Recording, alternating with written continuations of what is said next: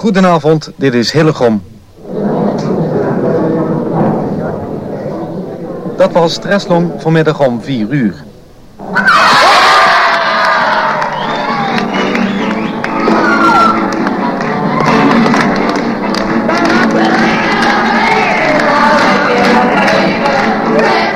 En dit was dan Treslong zo'n twee uurtjes geleden. Televisieopname van John, Jim, Jack en Paul, samen de vier Beatles vormend.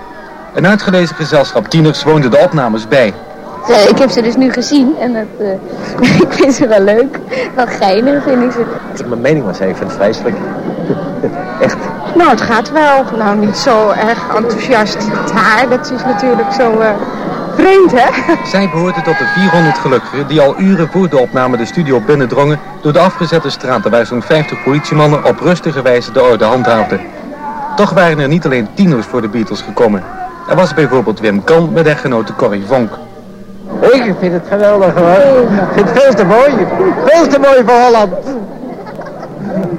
Wat vindt u ervan? Ja, enig vind ik het. Ik vind zo enig die kinderen die er gaan dansen. Geweldig. Ik heb een reuze geamuseerd. Het is toch ook goed geamuseerd vanavond? Oh, fantastisch, maar dat wist ik van tevoren.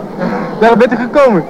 Ja, ik ben gekomen om het te zien natuurlijk en om het mee te maken. Ik heb het meegemaakt. Ik vind het een leuke reactie van die kinderen, hè. vind ik enig. Morgenavond weer. Morgenmiddag ga ik, morgenavond ga ik ook.